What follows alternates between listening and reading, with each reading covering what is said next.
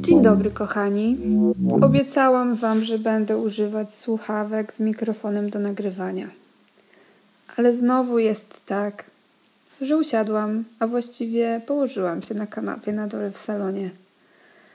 No i pomyślałam, że to jest właśnie ten moment. Dokładnie ten, żeby nagrać podcast, a nie za 5 minut, jak znajdę i odplączę te słuchawki. 5 minut to jest oczywiście optymistyczna wersja.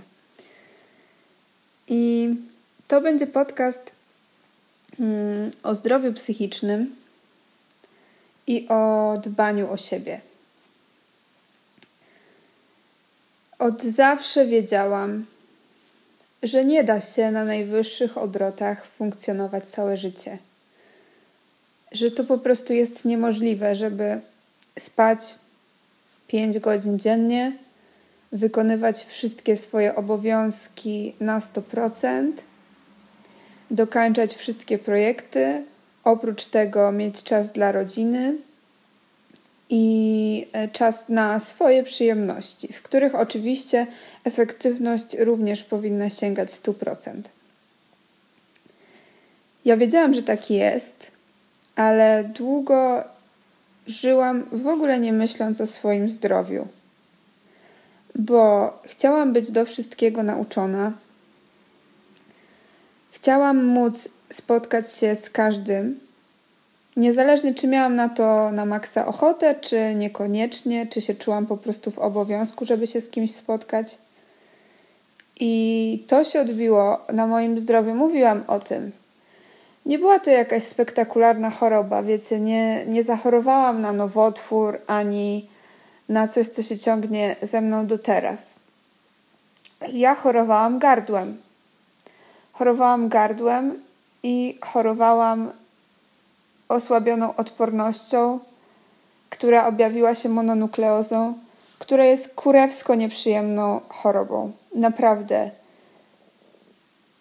Jest to taki stan, że możesz przesypiać całe dnie i nie masz po prostu siły. Nawet jak chcesz, jak twoja głowa chce coś zrobić, to twoje ciało mówi nie, ja muszę spać, muszę spać.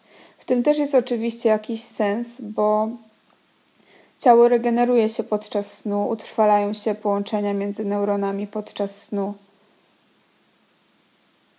I moje ciało dokładnie mi powiedziało, że Julka, za mało śpisz, za dużo rzeczy chcesz dokończyć, chociaż doby ci na to nie starcza.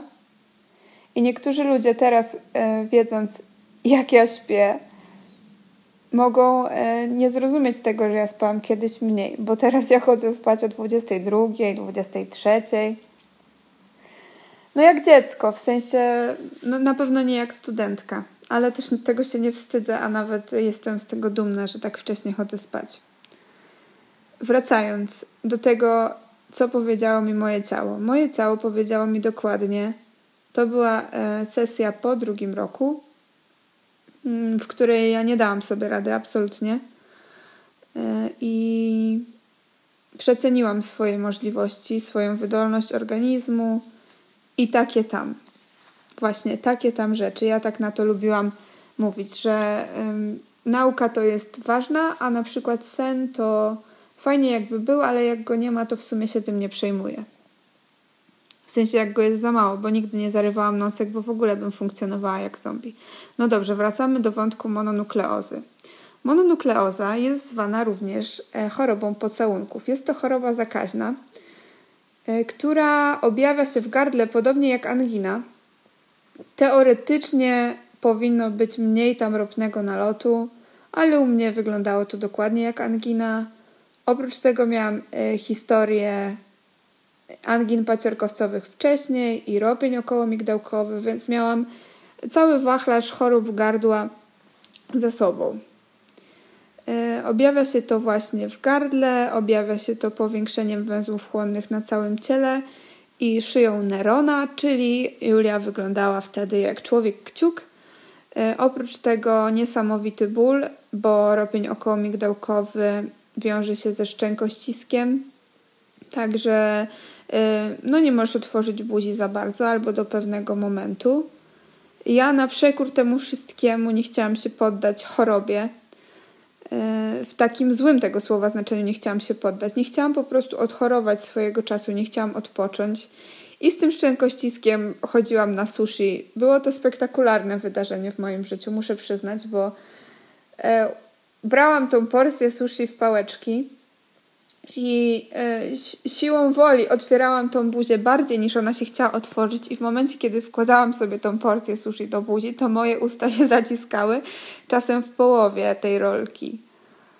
E, no ale ja nadal walczyłam. Nadal walczyłam, nadal mi się wydawało, że wiecie, y, pozytywne myślenie, ja się nie dam tej chorobie, ja się nie mogę poddać. Okej, okay, pozytywne myślenie jest super, ale ważne są też te czynniki typowo biologiczne, czyli dużo odpoczynku, dużo leżenia w domku, dużo oddychania spokojnego, picie dużej ilości wody. Ja nie, ja chciałam żyć tak, jak żyłam do tej pory, wychodzić, z każdym się spotykać, nieważne, że wyglądałam, jak wyglądałam. Dopóki byłam w stanie się zwlec z łóżka, to chciałam prowadzić życie takie aktywne, no bo zaczęły się ogólnie wakacje, nie? Więc, więc chciałam funkcjonować jak najlepiej. No i tak sobie zrobiłam kuku, e, myśląc o tym, że ja mam baterię niewyczerpywalną, że ja non-stop mam kolejne powerbanki i non-stop mogę zwiększać tą swoją wydajność, a choroba to a tam, ja sobie poradzę, będę żyła normalnie, ja z niczego nie będę rezygnować, bo i tak za dużo mi zabrały czasu te studia, żebym ja teraz miała rezygnować z rzeczy, które naprawdę chcę robić. Hehehe. No teraz się z tego śmieję, bo wiecie, to Polak mądry po szkodzie, jak to się mówi, ale myślę, że każdy człowiek po doświadczeniu jakiegoś traumatycznego przeżycia, bo tak mogę nazwać ten mój okres chorowania, wyciąga wnioski. Jeżeli, jeżeli jest mądry, no to wyciąga wnioski. Zmierzam do tego, że ja studiuję medycynę, która mówi mi o klasycznym postępowaniu, tak? Czyli kładzie tam nacisk jakiś minimalny na to, że o ciało swoje trzeba dbać, że ważny jest odpoczynek, że fajnie by było zdrowo jeść i się ruszać, ale wielka, wielka, wielka, wielka część medycyny to jest leczenie, tabletki. Bo już spieprzyłeś sobie życie tym, że żyłeś tak, więc teraz ratunkiem dla ciebie są tylko tabletki. I w części chorób to jest prawda, w części chorób można by było wrócić się o krok i znowu zacząć dbać o siebie, zacząć jeść i patrzeć na to, jak ciało reaguje, bo być może będą potrzebne tabletki z mniejszą dawką chemii. No, tydąc, to jest taki, wiecie, anegdotka, nie? Że naprawdę tabletka na wszystko, to się wydaje ludziom, że ten świat tak powinien funkcjonować, że bierzesz tabletkę na wszystko, jest fajnie nie wysypiasz się, bierzesz tabletkę z kofeiną, jest spoko. Boli cię coś, bierzesz tabletkę przeciwbólową, przechodzi. Ale człowiek jako inteligentna istota chyba wie, że leczenie skutków nie leczy przyczyny. A przyczyna, teraz będę mówiła jak jakaś natchniona ym, czarodziejka, przyczyna leży w ciele i w naszym dialogu między umysłem a ciałem. I w tym, żeby posiedzieć w ciszy ze sobą i usłyszeć albo swoje myśli, albo poczuć swoje ciało, zastanowić się, co boli i dlaczego. I czy może dlatego, że my skrzywdziliśmy swoje ciało, to nas boli główka, bo jesteśmy odwodnieni, albo za mało spaliśmy, albo za, za dużo dźwigaliśmy rzeczy, albo mamy spięte mięśnie szyi. I sprawdzić, co możemy zrobić, żeby to na takim podstawowym poziomie wyleczyć. Być może wystarczy odpocząć. Ja teraz to wiem i ja się teraz tak mądrze przed Wami, bo odkąd zaczęłam się interesować tematem tego, yy, tematem takim, że ja muszę być na pierwszym miejscu i to ja muszę być wyspana żeby być uśmiechnięta, żeby móc z kimś rozmawiać, żeby móc się z kimś spotkać, że ja się nie muszę cały czas poświęcać, że ja nie muszę tej doby rozciągać, tylko wyspać się. Mało tego, jeżeli przychodzi sytuacja napięcia, pooddychać i zredukować to napięcie, albo pomyśleć w taki sposób, co się może najgorszego stać. I jeżeli ta najgorsza wizja nie jest dla mnie przerażająca, no to cofamy się do rzeczywistości i żyjemy dalej. I mówimy: OK, Julka, to się może stać najgorsze, ale może stać się też średnia wersja, albo zupełnie lightowa, albo nic. Nic z tych czarnych scenariuszy. A jeżeli będziesz się, Julio, zamartwiać na wyrost, mało tego, zamartwiać warstwowo, że nałożysz sobie rzeczy, którymi martwisz się dzisiaj, jutro, pojutrze, w jedno w jeden okres czasu. Jeżeli to wszystko sobie nałożysz teraz, to zwariujesz. I wiecie, jakby bardzo bliska mi osoba wykorkowała, w sensie psychicznie, właśnie przez to, że tyle obowiązków, tyle zmartwień jednocześnie, mało odpoczynku, życie w poczuciu winy, że cały czas trzeba komuś służyć, dla kogoś być, komuś pomagać no. I teraz tableteczki. Bo główka nie wytrzymała. Ja się z tego nie śmieję. Dla mnie to jest bardzo przykra sprawa, ale dla mnie to jest potwierdzenie, że po prostu tak się nie da żyć. Tak się nie da, chociaż bardzo długo można. I to jest ta pułapka, że bardzo długo można tak żyć i się nic nie dzieje. Albo dzieją się takie rzeczy, których można nie zauważyć, albo które aż tak mocno nie doskwierają. A potem następuje takie przysłowiowe – pierdolnięcie i nie ma takiego łatwego powrotu do tego stanu wyjściowego, do tego stanu zero, albo do tego stanu na plus, gdzie wszystko jest fajnie, gdzie masz na wszystko ochotę. No, nie ma takiego łatwego powrotu. A ścieżka, żeby pogorszyła się sytuacja w głowie, jest prosta. Trzeba systematycznie sobie dokuczać systematycznie się katować i to jest mocne słowo, ale czasem to, że jest się non-stop dla innych, jest katowaniem samego siebie, bo jest porzuceniem opieki nad sobą.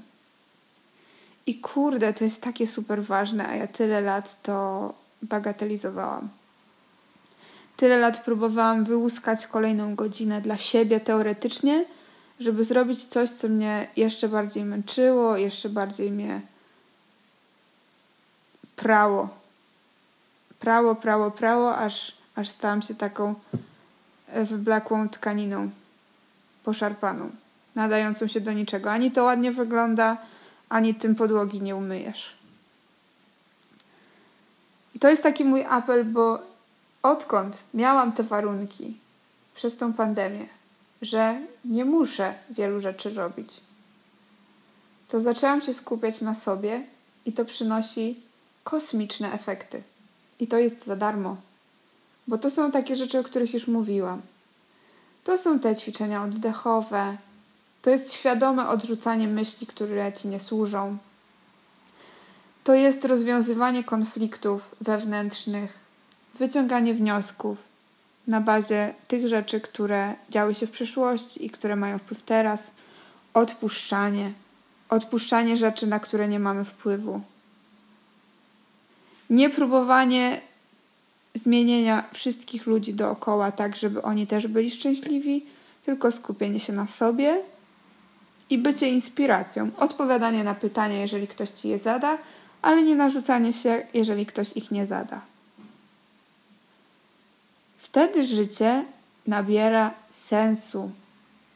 Wiem, że to jest takie mocne stwierdzenie, ale kurde, tak jest, że jak czujesz się super ze sobą, przestajesz sobie wytykać błędy, przestajesz być tym katem dla siebie, przestajesz chcieć być wszędzie jednego dnia i pracować cały czas efektywnie, to to życie nabiera sensu, a głowa nabiera zdrowia i ona tak sobie faluje między tymi myślami. Jeżeli jest relaks, to jest relaks, jeżeli jest skupienie i koncentracja, to jest tryb pracy po pracy jest odpoczynek, znowu falowanie i znowu tryb pracy.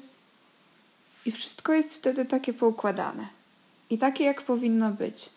Ale dopóki się tego stanu nie osiągnie, to ja byłam przyzwyczajona do stanu ciągłego napięcia. Ciągłego napięcia i ciągłego czekania na informacje, szukania informacji, uczenia się, bycia dla innych, odpisywania, sratatata, sratatata, a na koniec egzekucja mnie i już nie wiem, kim jestem. To było wcześniej. Teraz jest świadomość. Świadomość tego, że moje ciało jest po to, żeby mnie nieść przez życie. Moje nogi są po to, nie po to, żeby były szczupłe jak modelka. Moje nogi są po to, żebym mogła dojść do tramwaju, przejść się na spacer, żebym mogła coś podnieść, żebym mogła wstać z łóżka, żebym mogła pobiegać. A moja głowa jest od tego, żeby myśleć nad tym, co robić, żeby być w życiu szczęśliwą. Moja głowa jest od tego, żeby się uczyć. Moja głowa jest od tego, żeby wyciągać wnioski. Moje usta są od tego, nie od tego, żeby były piękne. Moje usta są od tego, żeby z kimś rozmawiać. Moje uszy są od tego, żeby słyszeć.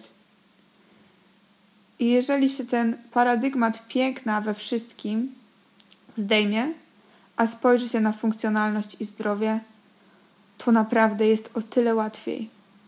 Jest o tyle łatwiej. Tego Wam życzę, żebyście nie odrzucali na bok higieny psychicznej, żebyście nie, nie zostawili swojego życia tylko w kategorii zdrowo jedz, dużo ćwicz.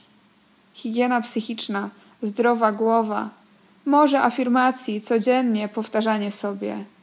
Julia, jesteś świetną kobietą. Jesteś mądrą kobietą. Umiesz słuchać. Umiesz rozmawiać z ludźmi. To jest moje codzienne życie teraz. I kiedyś się z tego tak bardzo śmiałam. Mówię, to jest absurd. Co ja się będę tutaj zadufać w sobie? Co za egoizm? I co, ja mam być na czubku tego świata? No tak. Ja muszę być na czubku, żeby innych móc na ten czubek wciągać. Tego Wam życzę. Pamiętajcie o higienie psychicznej, proszę. Proszę, proszę, proszę. Ja dbam o to nie dlatego, że rozsypało się coś u kogoś, kto jest dla mnie bliski. Ja dbam o to dlatego, że byłam na dnie. Myślę, że to było takie napięcie cały czas. To był straszny syf. Poza tym, ja będę psychiatrą, więc jak ja mam dbać o higienę psychiczną innych osób, jak moja będzie rozwalona? No nie da się. No nie da się. Najpierw ja. Najpierw ja. Więc bądźcie na pierwszym miejscu. Dbajcie o zdrową głowę i myślcie o tym, czy jest Wam dobrze. Ściskam Was mocno, a to był 26. Bardzo długi swoją drogą wyszedł ten odcinek, bo to jest dla mnie temat rzeka niesamowicie fascynujący. 26 odcinek podcastu Jula daje fula o zdrowej głowie i o higienie psychicznej. Trzymajcie się cieplutko, wysyłam Wam moc, spokoju i pozytywnej energii. Buziaczki.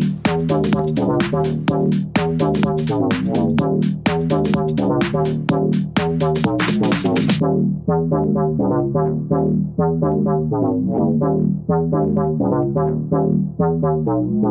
you.